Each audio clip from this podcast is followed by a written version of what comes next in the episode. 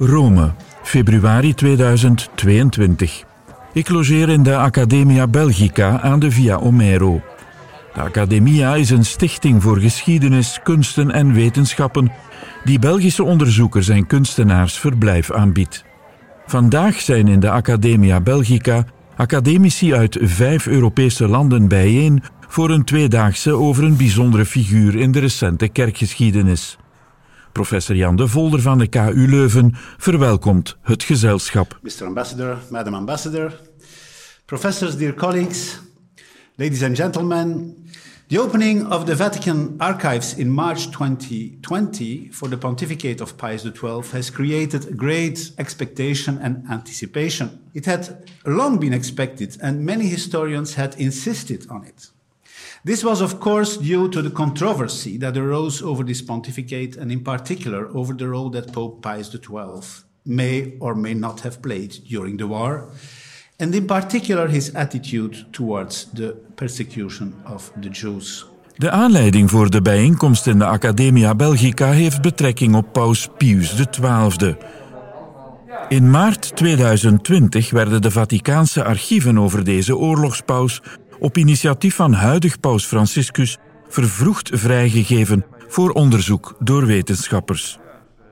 Although serious historians have never believed in the depiction of Hitler's Pope, as some had coined, uh, it is still an important image that lives in the minds of many ordinary people. Whether the opening of Vatican archives will change that image remains to be seen. In de Academia Belgica is nu een status questionis aan de orde van de voorlopige bevindingen over de man die eigenlijk Eugenio Pacelli heet. Als paus een met hardnekkige controverse beladen man. For the coronation, the Pope was carried in his chair of state to St. Peter's Basilica for the crowning by the senior cardinal deacon. Eugenio Pacelli was paus van 1939 tot aan zijn dood in 1958. Het pontificaat van paus Pius XII valt dus in belangrijke mate samen met de opkomst van het nazisme in Duitsland en met de Tweede Wereldoorlog.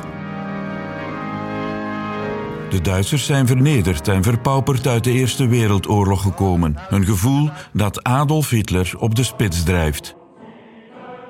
55 miljoen mensen, van wie de helft burgers, komen in de Tweede Wereldoorlog om het leven.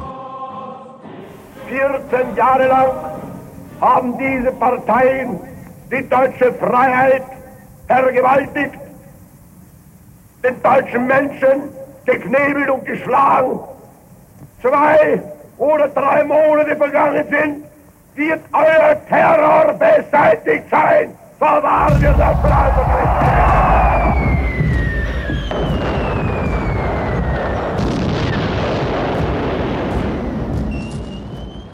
Voor paus Pius XII is tot vandaag de prangende vraag: heeft hij de verschrikkingen van zijn tijd in voldoende duidelijke bewoordingen veroordeeld?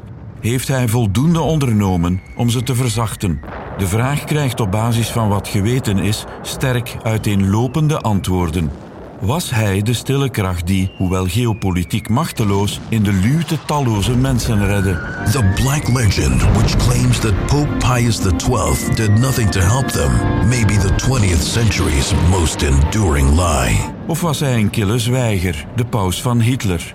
Voor alles de diplomaat. Was hij onophoudelijk en in weerwil van de onuitsprekelijke oorlogsgruwel een adept van de heilige voorzichtigheid, aanhanger van een dubieuze onpartijdigheid,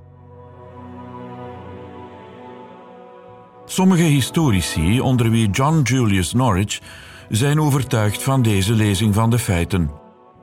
In een toespraak voor het Royal Institute of Great Britain in 2012 verwijst Norwich naar het uitblijven van enige reactie van de paus wanneer op 1 september 1939 het Duitse leger het overwegend katholieke Polen binnenvalt.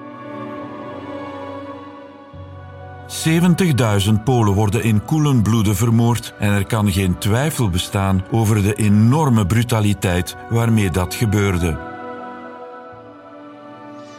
Well, on the 1st of September 1939, the, the Wehrmacht marched into Catholic Poland. Over the next five weeks, the Poles lost some 70,000 men. From the Vatican, however, there came not a word of revulsion or regret, still less of denunciation. Het is maar een van de vele dramatische momenten waarop de paus er het zwijgen toe doet. Maar zoals Norwich spreken over Hitlers paus is een brug te ver, zegt Jan de Volder, professor aan de faculteit Theologie en Religiewetenschappen van de KU Leuven. Ernstige historici hebben daar nooit in geloofd. Het idee van Hitlers paus, omdat er genoeg aanduidingen waren dat het Vaticaan zijn grote zorgheden had tegenover Hitler, tegenover het, uh, het nazifascisme. En dat er toch ook wel nogal wat contacten waren met, uh, met de geallieerde wereld. Er waren al wel aanduidingen, eh, met name in Rome bijvoorbeeld, dat Paus Pius XII eh, heel wat gedaan had eigenlijk om Joden eh, te helpen hier in Rome. Met name binnen de Vaticaanse instellingen zaten er nogal wat, wat Joden verstopt. Trouwens, niet enkel Joden, ook verzetstrijders, ook partisanen. Mensen met een communistische achtergrond bijvoorbeeld, met een patriotische achtergrond. Die vonden wel hun toevlucht in, in het Vaticaan. Paus Pius XII, Stille Kracht of Kille Zwijger. Een reeks audiodocumentaires over de man achter de paus. Een productie van het Documentatie- en Onderzoekscentrum voor Cultuur, Religie en Samenleving van de KU Leuven met de medewerking van Kerknet.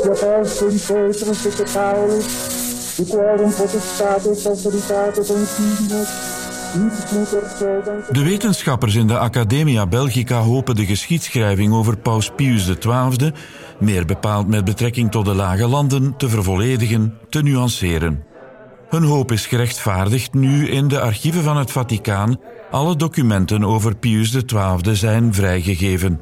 Een veelheid aan nieuwe informatie is voortaan beschikbaar voor historici. The Vatican has opened its archives on the wartime papacy of Pius XII. They were kept secret for decades amid accusations that he turned a blind eye to the Holocaust. Critics say that he knew that Nazi Germany was murdering Jews but failed to act. De verwachtingen naar aanleiding van de ontsluiting van de Vaticaanse archieven zijn niet echt hoog gespannen.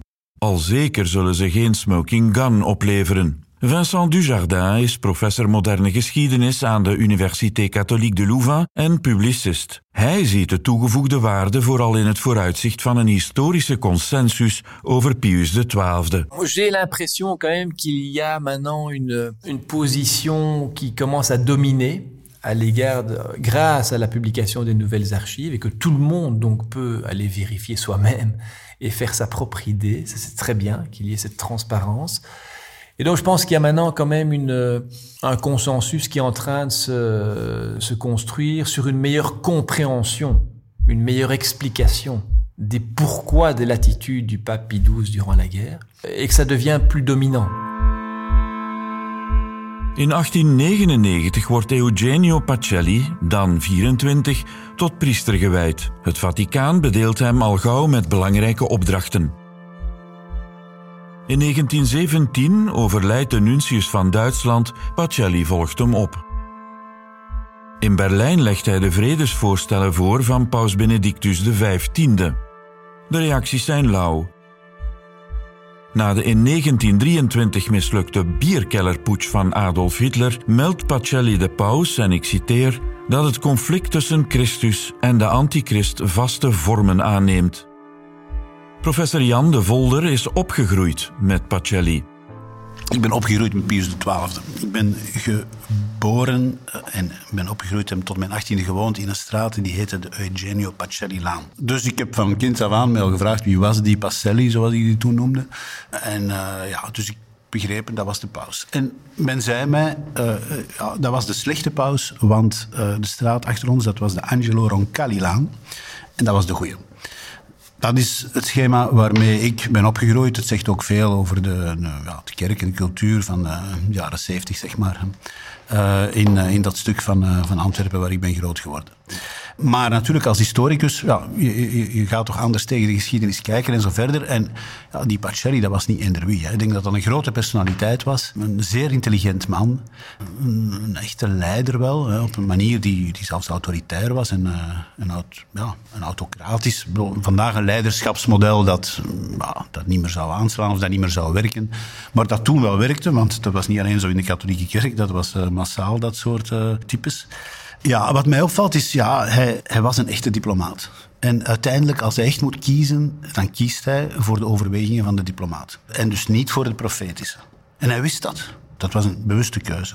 Ik, ik, kan niet zeggen dat ik persoonlijk veel sympathie heb voor de man. Maar uh, hij was niet in wie, hij telde. En ik heb toch begrip voor de afweging die hij heeft moeten maken in uiterst moeilijke omstandigheden. Um, ik zou niet in zijn schoenen hebben willen staan. En natuurlijk, van een kerk vandaag verwachten wij denk ik een profetischer taal. En u ziet dat ook aan een Franciscus bijvoorbeeld, een paus vandaag die een profetischer taal uh, bezigt. Maar wat je ook ziet, is dat zo'n profetische taal ook door heel wat uh, katholieken niet wordt gesmaakt. Wat de paus zegt over de vluchtelingen vandaag bijvoorbeeld, uh, dat is profetische taal. Hij is een van de weinigen die daarop die... en, dat, en ik ben daar blij om, ik steun hem daarom. Natuurlijk, wij zitten in een democratische context, hè, waarin uh, voorlopig ieder min of meer zijn mening mag zeggen. je kunt daarvoor bekritiseerd worden, maar op zich mag je nog altijd zeggen, hè, je, je wordt niet vervolgd. Ten tijde van de nazi's en de, en, en, en de fascisten spreken we wel over iets anders. Tijdens zijn pastoraal werk ervaart Pacelli de armoede in grote delen van Duitsland. Hij ziet in dat het Duitse volk gaandeweg meer hoop stelt in Hitler dan in de kerk.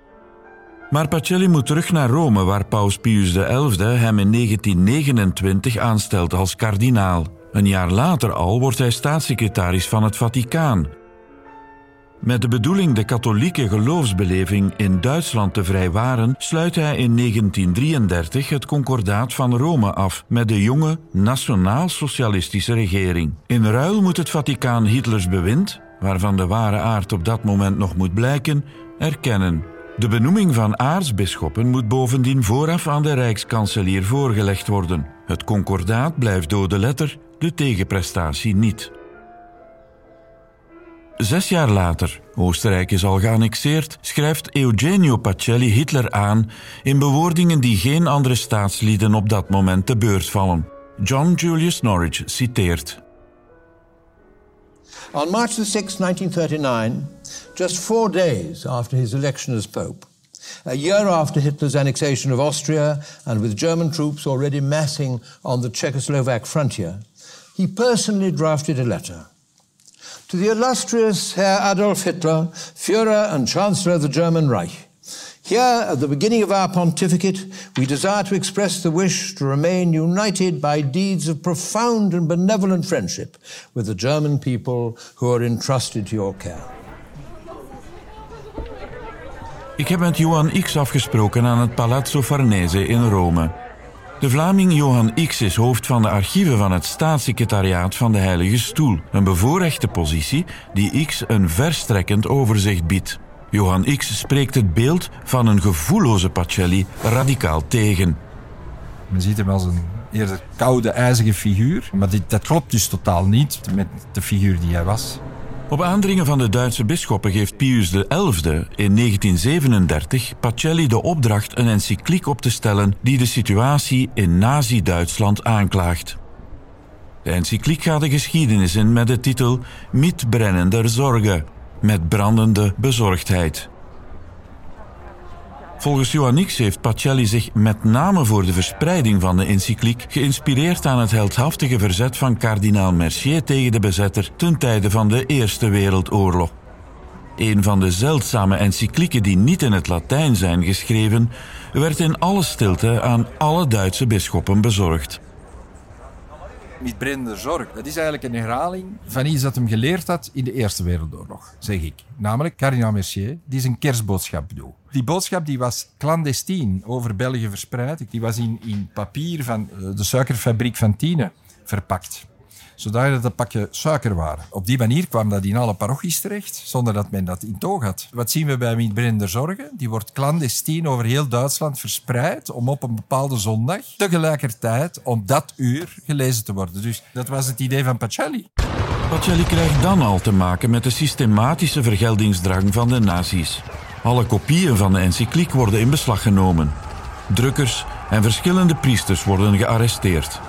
Hitler geeft aan geen behoefte te hebben aan samenwerking met de katholieke kerk. Then in a moment charged with solemn dignity, Cardinal Caccia Dominione placed upon the head of Pius XII the triple Op maart 1922 hebben alle kardinalen, zonder uitzondering, voor Pacelli als nieuwe paus gekozen. His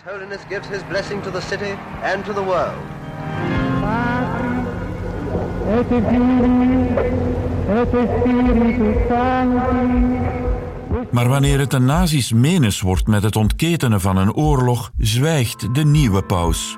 Of toch niet helemaal, merkt de Nederlandse historicus Jan Bank op. Voor de Spaanse dictator Franco had de pas verkozen paus op Radio Vaticaan wel aandacht. Three days after his coronation, Pius XII was confronted with an international crisis. He remained silent about the current German annexation of Bohemia and Moravia. But in the same week, however, the Pope spoke openly on Radio Vaticana about Franco's Catholic victory in Spain. And he remained silent when Mussolini's Italian army captured Albania in April 1939. And when the Wehrmacht invaded Poland on September 1st, 1939, the Pope remained silent. Romana, Bersaglieresca, fascista nell'anima... Op dat moment gelooft Pius XII nog in het nut van overleg en hoopt hij alsnog op een vredevolle afloop. De diplomaat die hij is, wikt en weegt alle belangen. The French ambassador requested that he should offer a gesture on behalf of the Catholic Polish nation. And then the Pope answered that one should not forget that the German Empire also numbered 40 million Catholics. Maar ook Polen telt natuurlijk een groot aantal katholieken. Voor een correcte inschatting van het stilzwijgen van de paus is een goede kennis van de aard van de Poolse invasie nodig, vindt ook doctoranda aan de KU Leuven Monika Stolarczyk-Bilardi, zelf van Poolse origine. De nazi's zien de Polen als slaven, zegt ze. In dat plaatje past geen intelligentia en passen dus geen priesters. Die worden prioritair en op een bijzonder zichtbare manier geliquideerd. Het begrijpen van die Oost-Europese ervaring van de oorlog is heel moeilijk. Die ervaring was, was anders en ook veel, veel erger. Polen werden gezien als slaven. Dus vandaar dat, ze, dat voornamelijk Duitsers eerst hebben ingezet op een vernietiging van de Poolse intelligentia. Als je die mensen liquideert, dan heb je een slavenvolk. Uh, en dat, dat gebeurde. Wat ze daar deden met de, met de katholieke kerk, dat is ondenkbaar. Dat was de totale vernietiging van de katholieke kerk. Wat ook natuurlijk een van de grootste zorgen was voor het, voor het Vaticaan. Dus dat, dat is de eerste ervaring, een totale terror, die we dus hier in de Westerse landen niet hadden. Dus je ziet dat de bisschoppen of eh, naar de concentratiekampen werden gestuurd, of geband, of gedood. Eh, er zijn bisdommen waar, eh, waar 60, 70 procent van de, van de priesters of gedood werd of naar een concentratiekamp werd gestuurd. En dan zijn er in Polen ook de Joden. In sommige steden is tot 50 procent van de bevolking Joods. In Polen slaan de nazi's de stap van concentratiekampen over. Wir haben es nicht gewusst, kan niemand er zeggen. Dat bestond niet direct een concentratiekamp. Nee, de Joden in Polen werden eigenlijk niet direct naar de vernietigingskampen gestuurd. Dus die tussenstap was er niet. De, kans voor uh, overleven voor een Poolse Jood was 2 of 3 procent van de Poolse Joden heeft uh, overleefd. En dat gebeurde voor de Poolse ogen. Dus je kon, in het Westen zou je nog kunnen beweren dat we het niet wisten. Wat er daar verder in het oosten gebeurde. Dat kan je in Polen niet zeggen. Dat je het niet wist. Want dat gebeurde letterlijk in het huis van je buurman.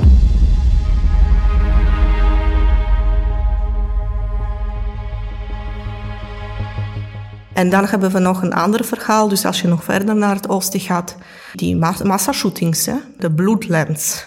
Doodschieten ter plaatse, massa's. Hè? Het Vaticaan heeft overal informanten en is van dag tot dag uitstekend geïnformeerd. En toch, ondanks de grote druk die op hem wordt uitgeoefend, hult Pius XII zich in stilzwijgen. Niet iedereen overigens is er voorstander van dat hij dat stilzwijgen zou doorbreken. Paus heeft uh, een paar keer Poolse mensen toegesproken, zijn medelijden getoond, maar nooit inderdaad een officiële uitspraak gedaan dat de Polen hier de rechtvaardigen zijn en de Duitsers zijn de, zijn de bozen. Dat, dat, heeft hij, dat heeft de paus nooit gedaan. En daarop werd aangedrongen door de hele oorlog heen. En dan heb je de, de situatie binnenland, zou ik zeggen, in, in de bezette gebieden. En dat is wat meer genuanceerd. Er is een brief van de bischop Sapieha, waar hij dus de paus vraagt om juist dat niet te doen. Omdat uh, dat de situatie van de katholieke mensen in het land alleen kan, zou kunnen verergeren. En dat, dat is een kwestie van het onderzoek of uh, wat de motivaties waren van, uh, van destijds nog uh, bischop Sapieha om dit aan de paus te vragen, om juist niet uit te spreken. Dan is de vraag, en dat, dat is ook een van de dingen die ik ga onderzoeken, naar wie luistert de paus? En dat, dat weten we niet.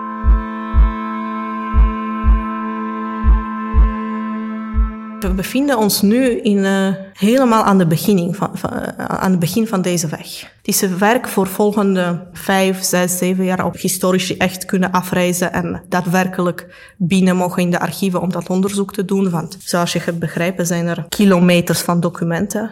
Dat vraagt tijd. Eerst moeten we de feiten kennen. Echt gaan onderzoeken wie, wanneer en wat wist. Want je zegt nu heel makkelijk dat de paus wist. Maar wanneer wist hij dat? Van welke bron? Was het een betrouwbare bron? Dat zijn vragen waar we vandaag nog geen antwoord op hebben.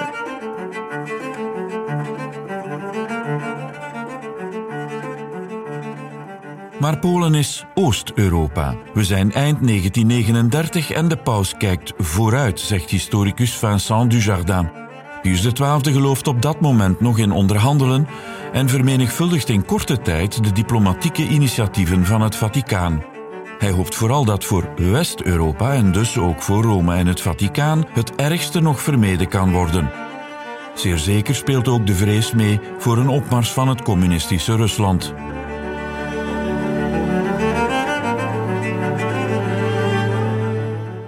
La, guerre avait, avait commencé sur le front occidental au moment de la Pologne. Ben, la guerre n'avait pas encore commencé sur le front occidental et il ne voulait pas gâcher les espoirs de paix encore euh, sur le front occidental. Il gardait l'espoir de paix encore à ce moment-là. Et c'est comme ça qu'il n'avait pas pris de position publique, ne voulant pas compliquer les choses. Pius XII blijkt zich te verkijken op de aard van het conflict dat aan de basis zal liggen van de Tweede. Hij ziet een imperialistische strijd die met woorden beslecht kan worden en heeft geen oog voor de enorme ideologische tegenstelling die de partijen verdeelt. Dat zegt de Franse historicus Jean-Dominique Durand. Hij spreekt van een analytisch deficit. Pie XII comprend en fait la Deuxième Guerre mondiale comme un conflit impérialiste classique qui pourrait être évité par la négociation, sans sans doute en comprendre bien le caractère idéologique. En témoigne le pathétique radiomessage du 24 août 1939 sur Radio Vatican. Le danger est imminent, mais il est encore temps. Rien n'est perdu avec la paix, tout peut l'être avec la guerre, que les hommes recommencent à comprendre qu'ils recommencent à négocier. Et face à la montée du risque de guerre le 2 juin 1939, le pape déclarait au Sacré Collège, je cite, L'Église ne se laisse pas séduire ni enchaîner par des intérêts particuliers, elle ne songe pas à se mêler à des contestations territoriales entre les États, ni à se trouver entraînée dans la complexité des conflits qui facilement en découlent. Deze inschatting leidt bij de paus tot een politiek van onpartijdigheid. Die inspireert hem tot de grootst mogelijke voorzichtigheid en maakt dat hij hooguit een bemiddelaar kan zijn. Maar de geopolitieke invloed van de paus is erg klein. Tegelijk laat hij zijn morele autoriteit niet gelden. Professor Dujardin. C'est vrai que le, le pape veille à être un pape de tous. Euh, il a des catholiques dans les deux camps. Il a des pays qui sont occupés par les Allemands. Il y a des catholiques dans les, dans les zones libres du côté euh, des Alliés. Et donc, vous voyez, il y a cette prudence. C'est donc là qu'on retrouve cette idée du pape diplomate qui pense qu'il doit euh, avoir une parole mesurée pour pouvoir être neutre et peut-être être utile dans un rôle de, de médiation. Même si on a bien compris au Vatican qu'on ne pèse pas sur le plan géopolitique Il n'est pas très écouté par les Américains, il n'est pas très écouté par les Anglais, il n'est certainement pas écouté par les Allemands. Mais par contre, c'est une autorité morale, et c'est pour ça qu'on attend une parole forte, alors qu'il vient euh, la puissance d'une parole plutôt que la puissance des armes que l'on attend de, de, la, figure du pape, mais qui veut rester prudent. Quand il le peut, il s'exprime un peu plus. Exemple, quand vous avez eu l'invasion de la Belgique, des Pays-Bas et du Luxembourg, là il a parlé, parce que c'était c'était fichu.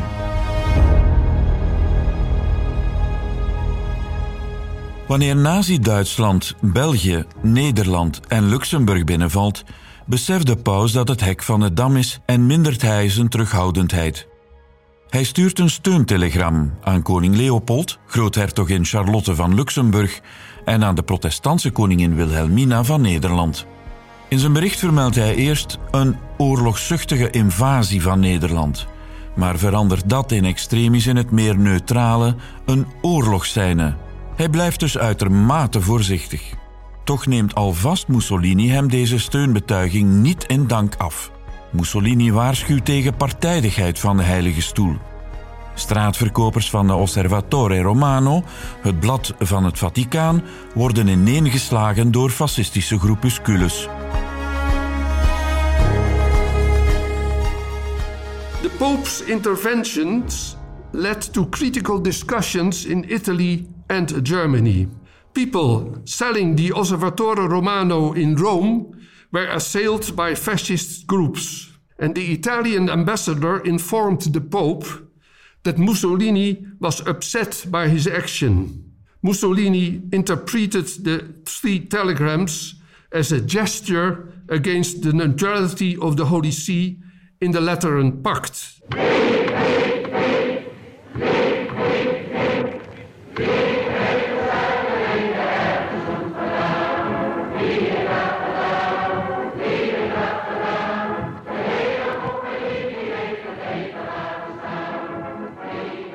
Het is eind 1940 wanneer Nederlandse Joden een Jodenster moeten dragen en de deportaties naar Polen een aanvang nemen. De voormalige katholiek en dan rijkscommissaris in het bezette Nederland Artua Zeiss-Inquart staat toe dat gedoopte Joden niet gedeporteerd worden.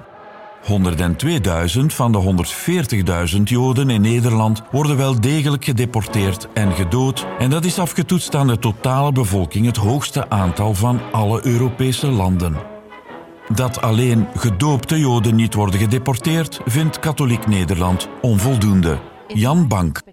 On July 1942, the heads of the Protestant and Catholic churches sent a new telegram to the Rijkscommissaris Seynt-Inquart stating that they had learned with dismay about the deportations, and they requested Seyss-Inquart that the measures should not be implemented.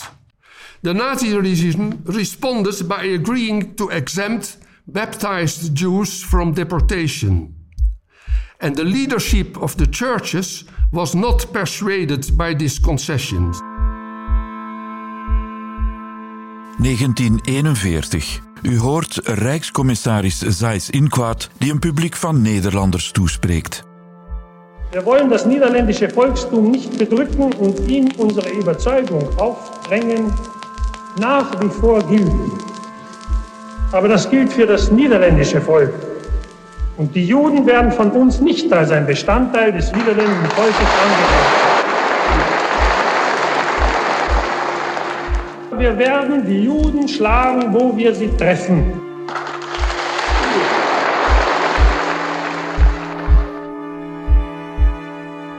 Aartsbisschop van Utrecht, Johannes de Jong en de meeste Nederlandse kerken volharden in hun veroordeling van de daden van de nazi's.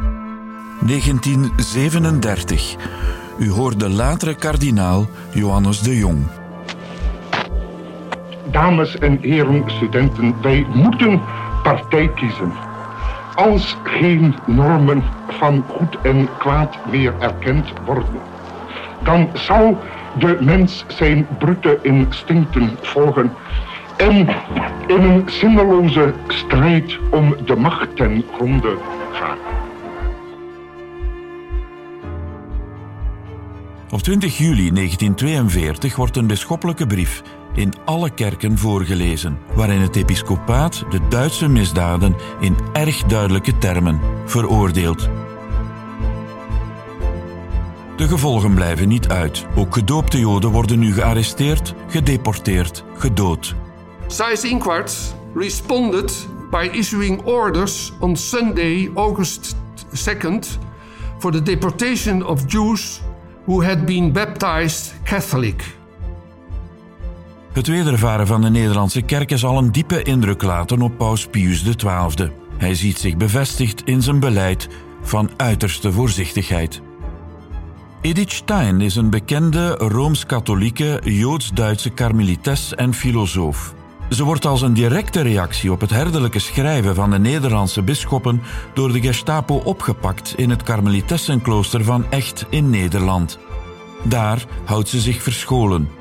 Edith Stein overlijdt op 9 augustus in Birkenau, in de gaskamer genaamd Das Kleine Weiße Haus.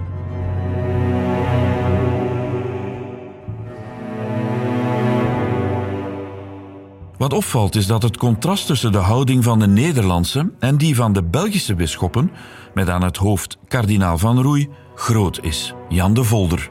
Hoe uh, zijn die verschillen te verklaren? Daar zijn uh, allerlei hypotheses over. Maar eigenlijk een belangrijke hypothese is toch het katholieke netwerk. Ik denk ook de studies van uh, Christine Sunes bijvoorbeeld over de vrouwelijke religieuze zusters in de oorlog.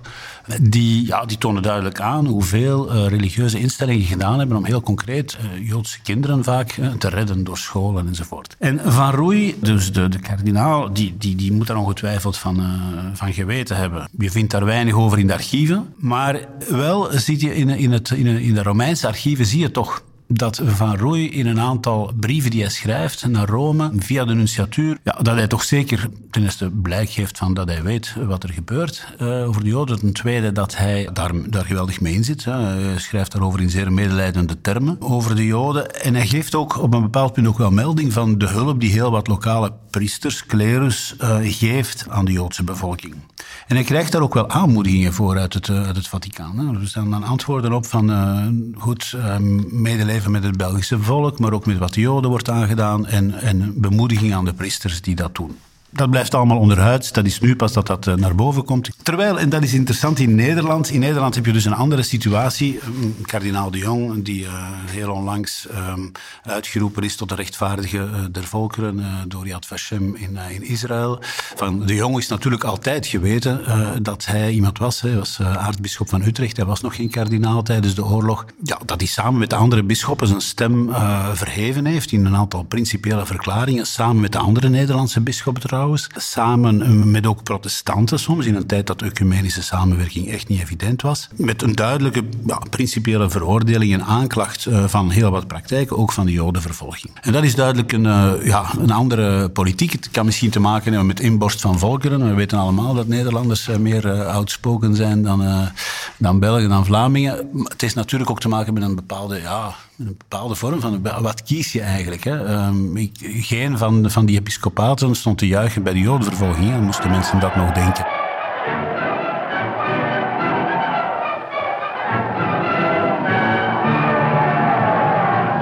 De Nederlanders kiezen voor een meer uh, principiële stelling. Is namelijk een soort meer profetische keuze. die uh, na de oorlog en, en, zeker ook in onze tijd, wordt, uh, daarvoor worden zij geprezen. Ze zijn moedig geweest. De Belgen zijn pragmatischer. Van Rooij is pragmatischer. In de zin van, hij, pas op, de Belgische bisschoppen hebben ook af en toe een stem verheven over een aantal dingen. Met name over de deportatie van de werkkrachten. of over de plundering, de kerkklokken enzovoort. Maar over dat punt van de Joden onder meer en ook andere punten hebben zij het zwijgen toegedaan, maar wel wetend dat ondertussen hun netwerk wel aan het werk was om mee mensen in moeilijkheden te helpen. Trouwens, heel die kwestie van die, Belgische, van die deportatie van Belgische werkkrachten heeft een geweldige boost gegeven, zowel in België als in Nederland, aan het verzetswerk. Uh, vanaf 42 zie je dat meer mensen in het verzet gaan, omdat men merkt, ja, uh, wij worden hier zomaar niet meer rust gelaten die, door die bezetting. Die bezetting is onmenselijk. En dus er, er, gaat meer energie naar het verzet. En dat heeft ongetwijfeld ook de netwerken geholpen die die Joden hebben gered. Nu, hoe reageert het Vaticaan daarop? Wel, vooral die Nederlandse rapporten zijn eigenlijk interessant, omdat de Jong eigenlijk heel uitdrukkelijk vraagt vanaf 42 naar een woord van goedkeuring. Hij vraagt een woord van goedkeuring niet zozeer voor zichzelf, maar voor zijn bevolking. Dat de bevolking, katholieken, zouden weten dat de paus achter hen staat. Dat dat een vorm van bemoediging is. En daarover zie je die discussie toch eh, in, in het Vaticaan. Van ja, dus ze zien heel duidelijk, ja, wat moeten wij nu doen? Want af en toe schreef de paus ook wel boodschappen naar het, uh, naar het episcopaat van, van, van heel wat landen met, met steun van bemoediging. Maar moest men nu die outspoken positie van de Nederlandse bisschoppen, moest men die nu expliciet gaan steunen, ja of nee? Daar, is, daar zitten wel interessante dingen in. Want bijvoorbeeld, je ziet wel uh, bijvoorbeeld dat mensen die in uh, het staatssecretariaat van het Vaticaan die rapporten lezen over wat, de Nederlanders, wat er in Nederland gebeurt.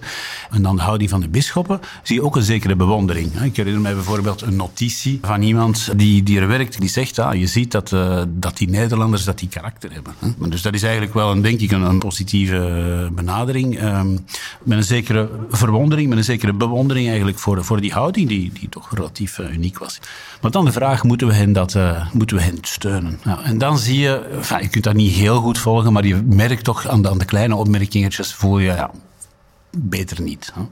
De eerste zegt, uh, het is misschien een po' rischioso, het is een beetje geriskeerd om dat te doen. De volgende maakt ervan een meno prudente, het is minder voorzichtig. En je ziet dat uiteindelijk ja, in die zomer van 42 en dan ook in 43, uh, ja, dat eigenlijk de voorzichtigheidshouding het haalt. Van het is, laat de Nederlanders doen wat ze doen. Dus, dat is eigenlijk wel goed. We hebben er ook bewondering voor. Maar wij gaan dat niet openlijk steunen, want dat zou onze voorzichtigheidspolitiek die we, die we gevoerd hebben tegenover dat regime in, in, in de weg staan. En een beetje het cynische vind ik dan wel om te zien dat men uiteindelijk beslist om het toch te doen. Om de Nederlandse episcopaat uh, te steunen. Maar dat gebeurt dan het voorjaar 45. Ja, wanneer natuurlijk de kaarten uh, gelegd zijn en, en het duidelijk is hoe de, hoe de oorlog gaat aflopen.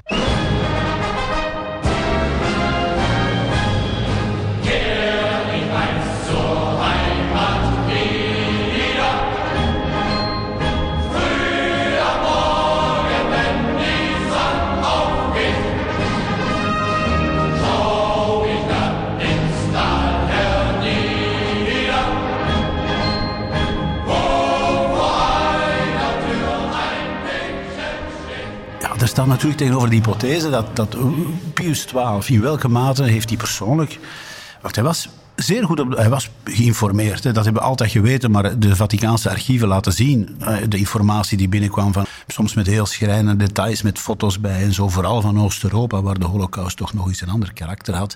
Maar, uh, maar ook uit Nederland, uh, het rapport van een, de, de auditeur van de nunciatuur van Berlijn is, is heel schrijnend. Hij maakt er gewacht bijvoorbeeld van honderden vrouwen, lichamen van Jodinnen die gevonden zijn in de Amsterdamse grachten ik maak erop uit dat, eigenlijk, uh, dat die eigenlijk zichzelfmoord hebben uh, op, um, ja, om aan de vervolging te ontsnappen. En zo begrijp ik het toch. Of, of zijn ze erin gegooid, dat is niet allemaal duidelijk. Maar in elk geval, het laat wel de wanhoop van een, van een volk zien. Dus uiteraard wist men in Rome. Maar de vraag was, wat doet men? Hè? En Pius XII, dat weten we uit andere bronnen, was zich wel bewust dat hij aan het zwijgen was. Hè? En hij vraagt zich dat ook af. Hij vraagt dat bijvoorbeeld aan Roncalli. Die, hij wist dat toen nog niet, maar zijn opvolger zou worden. Hoe gaan de mensen daar maar kijken, naar mijn zwijgen? Hè? Hoe gaan ze dat oordelen? Dus het was een keuze. Hè? Het was zeker een keuze. Het was niet, het was niet onwetendheid. Het was ook het was geen lafheid, denk ik. Ik denk niet dat Pius XII laf was. Maar hij was, ja, hij was een diplomaat. En hij keek, ja, wat is hier nu eigenlijk? Hij, hij woog af.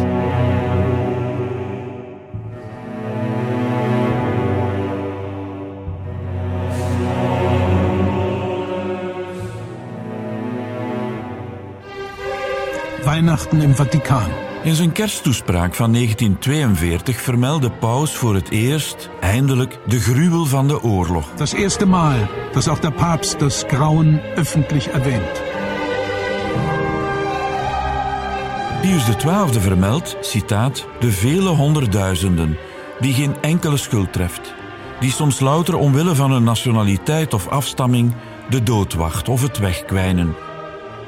Daders nog slachtoffers noemt de paus bij naam. Maar iedereen weet over wie het gaat. Täter und die Opfer nennt er nicht beim Namen, doch versteht ihn jeder.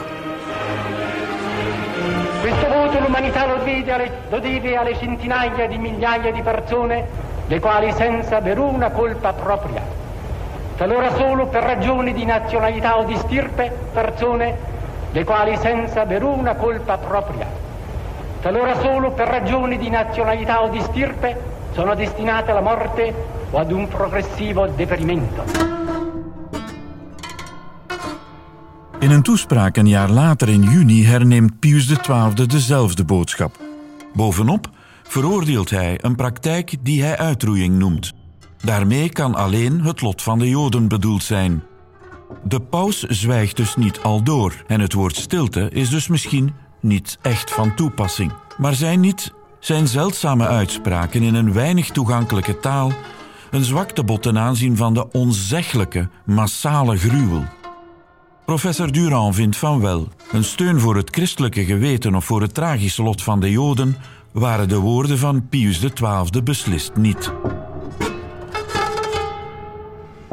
On ne peut donc pas parler de silence euh, au sens strict du terme.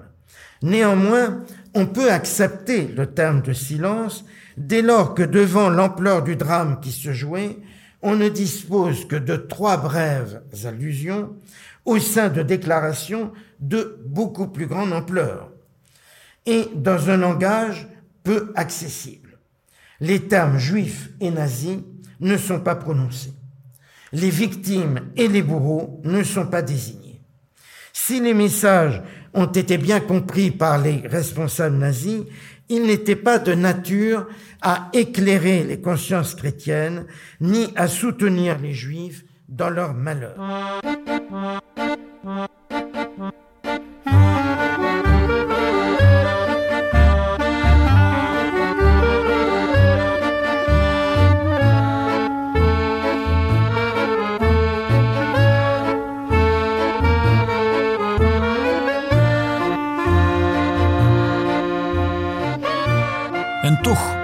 Vincent Dujardin op, zijn de Duitsers woedend om die paar zinnetjes van Pius XII. En, opvallend, op kerstdag 1942 steekt de New York Times de paus een hart onder de riem omwille van zijn paar zinnetjes.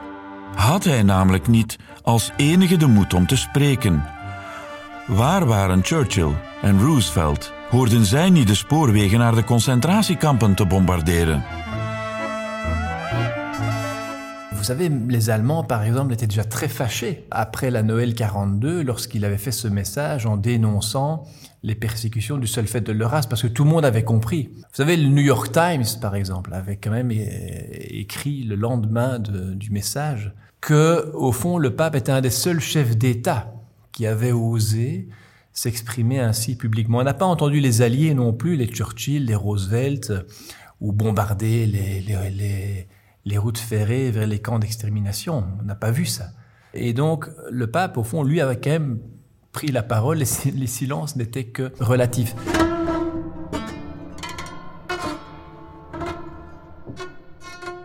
De afweging die hij maakte was: als ik spreek, zoals de Nederlanders spreken, gaat dat nu de Joden en ook anderen, ook de kerk. Men moet niet vergeten dat de, de kerk ook in een positie van vervolging zat en hoe langer hoe meer tijdens de oorlog. Het aantal priesters dat in Dachau is omgekomen is toch ook zeer, eh, zeer gigantisch.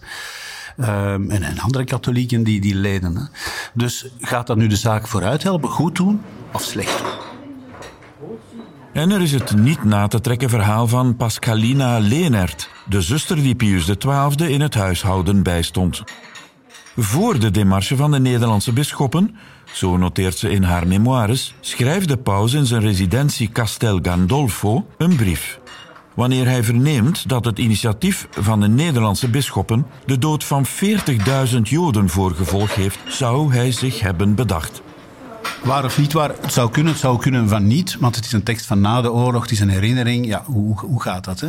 Eh, maar die af, dat die afweging bestaan heeft, ja, er is niet veel, denk ik, ik zeggen, inlevingsvermogen voor nodig om te begrijpen dat dat inderdaad een serieuze afweging is. Als je in een positie zit van, van macht, van invloed. Hè?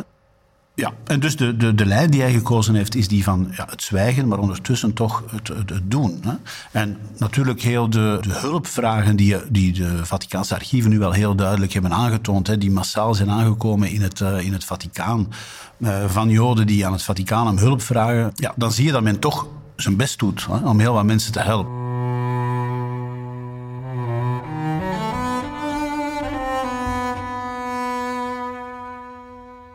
Professor Dujardin verwijst naar de Belgische politicus Paul-Henri Spaak. Die zei: De moeilijkheid is niet je plicht te doen, maar te kunnen onderscheiden wat je plicht is. Mais en réalité, il y a des moments dans la vie, euh, disait Paul-Henri Spaak, notre ancien ministre des Affaires étrangères, où la difficulté n'est pas de faire son devoir, mais de savoir où il est.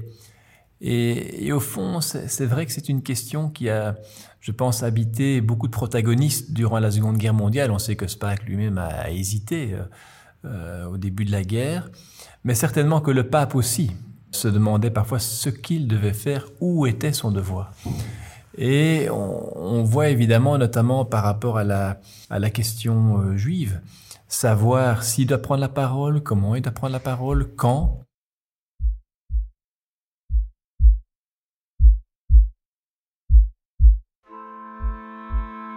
Er is, vindt professor Vincent Dujardin, wat de paus zegt en er is wat hij effectief heeft ondernomen. Hij verwijst naar de inspanningen op het terrein die de paus in stilte steunde. De vele kloosterordes die Joden en geallieerde piloten verstopten. Zelfs in de residentie van de paus verbleven in het grootste geheim Joden. Het Vaticaan zorgde voor visa en op die manier, zegt Dujardin, zijn velen aan de dood ontsnapt. Il y a ce que le pape n'a pas dit, mais il y a ce que le pape a fait. Et ce qu'il a fait, c'est encourager, ça c'est très clair, les couvents à Rome, les euh, institutions religieuses à travers l'Europe, et déjà avant la guerre aussi encourager les visas pour les juifs qui voulaient euh, quitter euh, l'Allemagne, mais aussi durant la guerre, notamment à Rome, jusqu'à sa propre résidence de Castel Gandolfo, cacher des juifs, cacher des aviateurs, cacher des personnes qui, étaient en danger de mort. Et le pape va implicitement, enfin, c'est-à-dire, euh, je veux dire, c'est pas, pas dans, vous trouvez évidemment pas ça dans un écrit, mais il donne sa caution pour que des institutions religieuses féminines, par exemple, puissent accueillir aussi des hommes, qu'on puisse cacher euh, un plus grand nombre de personnes, euh, et de juifs en particulier, durant la guerre. Et donc là, il y a quand même un grand nombre de personnes qui ont été sauvées.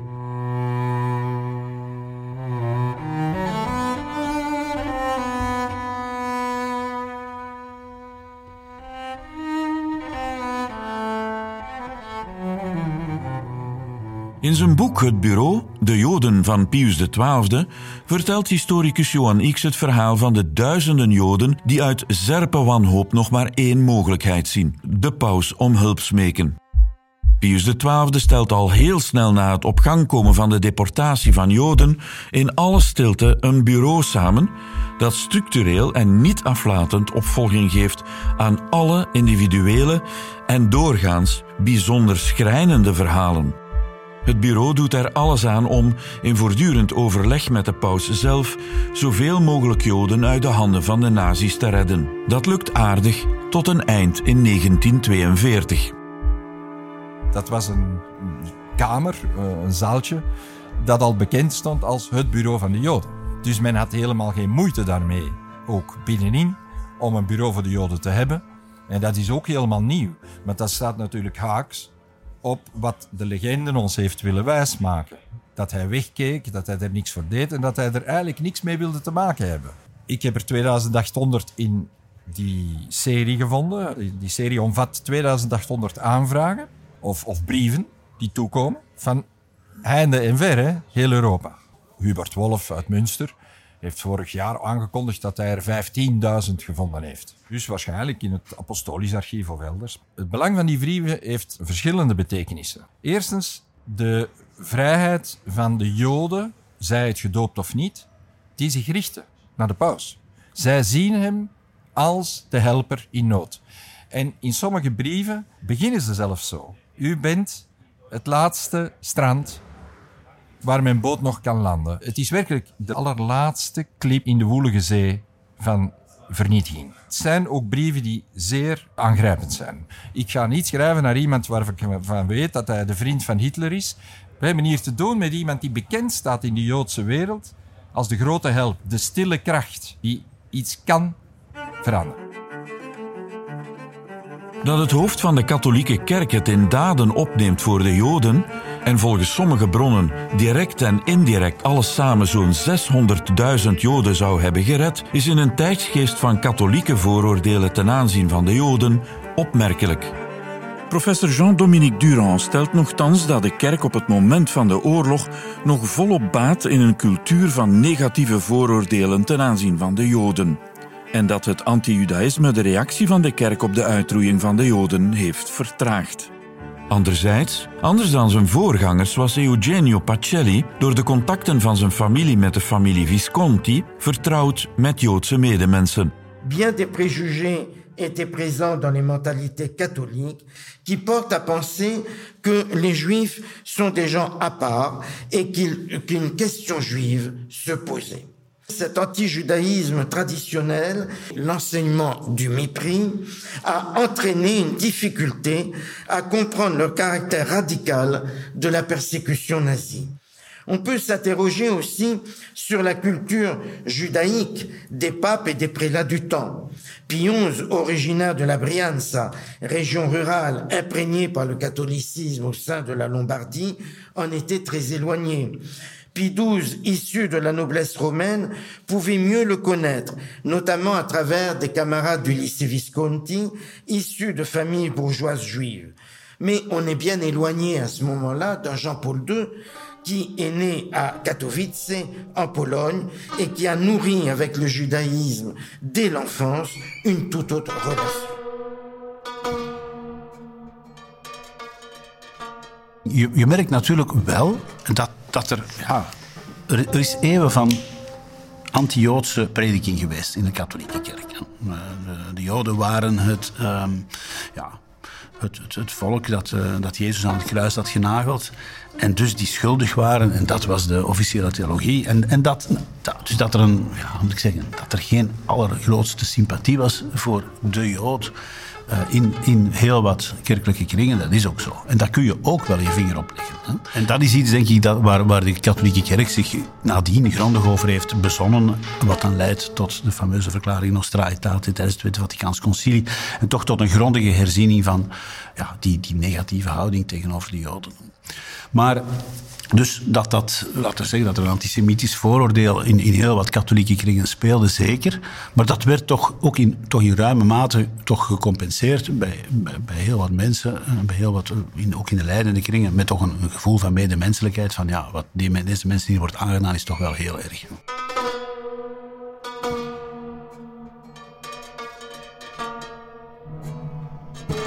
Er was het bureau en voorts zijn er aanwijzingen dat Pius XII op de hoogte was van spionageactiviteiten en ze gedoogde. Maar er is meer. Johan X, directeur van een van de Vaticaanse archieven in Rome. Wat men had, waren mensen die zich ten dienste stelden. Het waren meestal Jezuïeten. Die met zeer gevaarlijke opdrachten, namelijk het over de grenzen heen gaan, Sovjetgebied betreden en zo meer. En verdwenen voor een tijd en die dan terugkeerden. Daar heb ik in het boek ook een aantal voorbeelden van geschetst. Uh, die mensen riskeerden echt hun leven. En er zijn er ook die met hun leven betaald hebben, want ze werden gepakt en ze waren natuurlijk spionnen van de paus van Rome. Maar wat gingen die daar doen? Die gingen uh, vooral de mis lezen voor mensen die al maanden geen pastoor meer zagen. Kan vreemd klinken, maar dat lezen we dan in die verslagen ook. Dat dat het eerste is waar de mensen naar vragen. Doe, doe een liturgie met ons. En dan natuurlijk informatie geven over de situatie van de bevolking, de vervolging.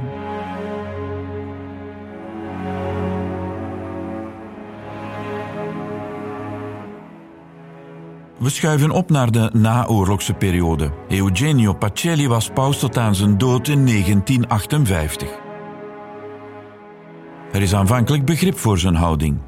Gelovigen gaan er vrij algemeen van uit dat hij mededogend was. De naoorlogse Pius XII is zelfs populair. Maar hij blijft zwijgen. Iets meer dan een jaar na het einde van de Tweede Wereldoorlog krijgt in de Poolse stad Kielce een pogrom zijn beslag. Van de 200 Poolse Holocaust-overlevenden die na de oorlog terugkeren, worden er 41 in koelen bloeden vermoord en 82 verwond. De Franse ambassadeur bij de Heilige Stoel dringt aan op een krachtige reactie van de paus.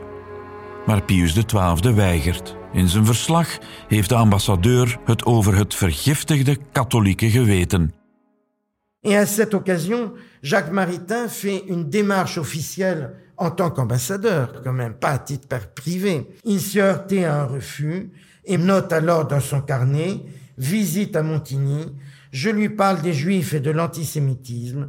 Le Saint-Père ne les a jamais nommés. Conscience catholique empoisonnée.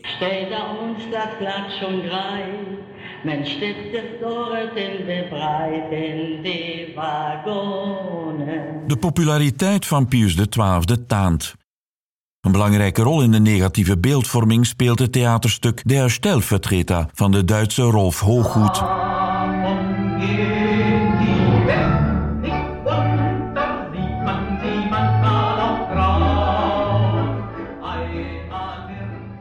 Het stuk gaat over de controverse die Pius XII na de Tweede Wereldoorlog omgeeft en die nooit echt zal wijken.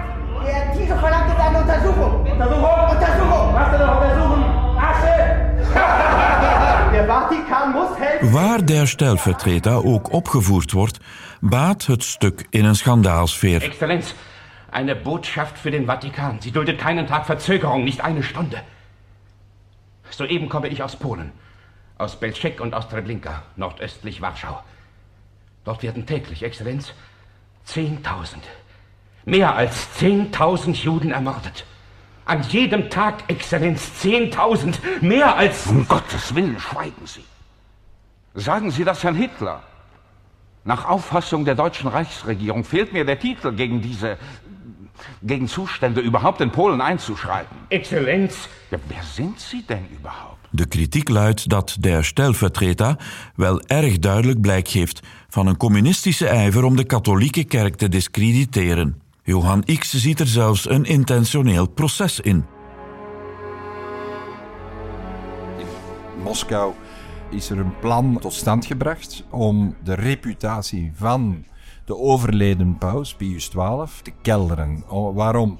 Omdat er hij nog altijd een moreel zeer groot uh, figuur was in het Westen. Hij kwam de oorlog uit als de beschermer van de mensheid en van de beschaving. Dat beeld moest verdwijnen voor het Sovjetregime. Omdat natuurlijk ook lokale kerken van de landen die zij bezetten sterke weerstand boden. Zij zagen dat dat eigenlijk ook kwam omdat ze die, die kerken moed vatten elke keer opnieuw ook vanuit de impulsen die de jaren voordien ook en in de decennia daarvoordien gegeven waren door de paus van de oorlog. Het moest ook zo zijn dat de morele figuur, het morele gehalte van die paus naar beneden gehaald werd, omdat het uh, communistisch systeem, het communistisch denken eigenlijk, een universeel doel voor ogen had, net zoals de kerk. En dus waren het eigenlijk twee wereldbeelden ook die in botsing kwamen. Zij wilden eigenlijk het beeld van Pius linken aan dat van het nazisme, de aardsvijand van het communisme, en ook eigenlijk de, de verliezer van de oorlog, maar ook de ideologie die verwerpelijk was. Dat is de eerste pijler eigenlijk van de zwarte legende van Pius XII. En de andere pijler is eigenlijk uh, zeggen dat hij dus niets gedaan heeft voor de Joden. Dat wanneer de Joden in volle nood waren, hij zijn rug gekeerd heeft, uh, weggekeken heeft en helemaal niets gedaan heeft voor hen.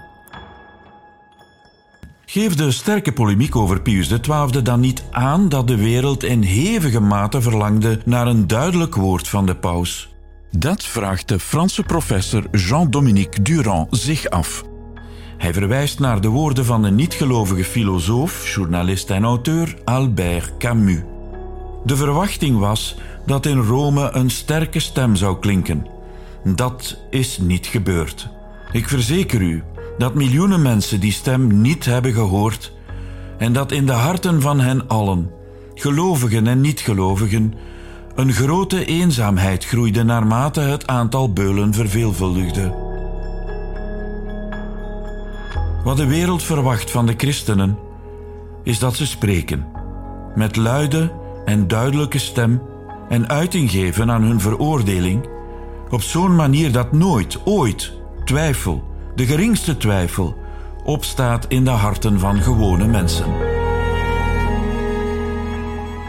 C'est ce que voulait dire Albert Camus, philosophe agnostique, lorsqu'il écrivait dans le journal Combat le 29 décembre 1944. Il y a des années que nous attendions que la plus grande autorité spirituelle de ce temps voulût bien condamner en termes clairs les entreprises des dictatures. Notre vœu secret était que cela fût dit au moment même où le mal triomphait et où les forces du bien étaient bâillonnées. J'ai longtemps attendu pendant ces années épouvantables qu'une grande voix s'élevât à Rome. Moi, incroyant, justement, car je savais que l'esprit se perdrait s'il ne poussait pas devant la force le cri de la condamnation. Il paraît que cette voix s'est élevée, mais je vous jure que des millions d'hommes avec moi ne l'ont pas entendue et qu'il y avait dans tous les cœurs, croyants et incroyants, une solitude qui n'a pas cessé de s'étendre à mesure que les jours passaient et que les bourreaux se multipliaient. Je vous remercie de votre patience.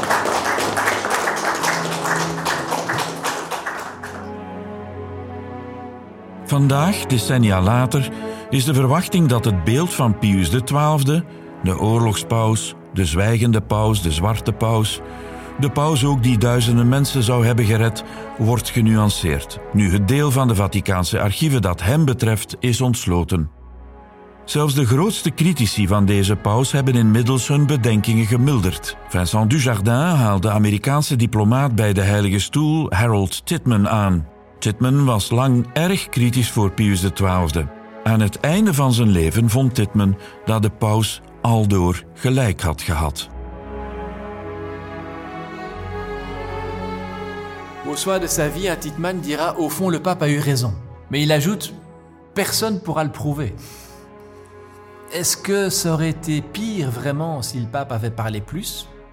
Peut-être que oui. Mais qui peut prouver ça? Quelle aurait été la réaction exacte des Allemands? Son intuition à lui, comme diplomate qui était à Rome au moment de la guerre, était de dire qu'il valait mieux que le pape avait la meilleure attitude possible. Mais, c'est quelque chose que personne ne pourra jamais euh, trouver, même avec les toutes nouvelles archives que l'on peut maintenant consulter au Vatican, vu qu'elles sont maintenant ouvertes jusqu'à la mort de, de Pie XII et qu'on peut voir beaucoup de choses nouvelles. Mais même avec tout cela, je pense que personne ne pourra jamais mesurer scientifiquement ce que le pape aurait dû faire, aurait pu faire, ou s'il a fait le mieux possible. Ça, c'est effectivement quelque chose qui est très difficile à mesurer.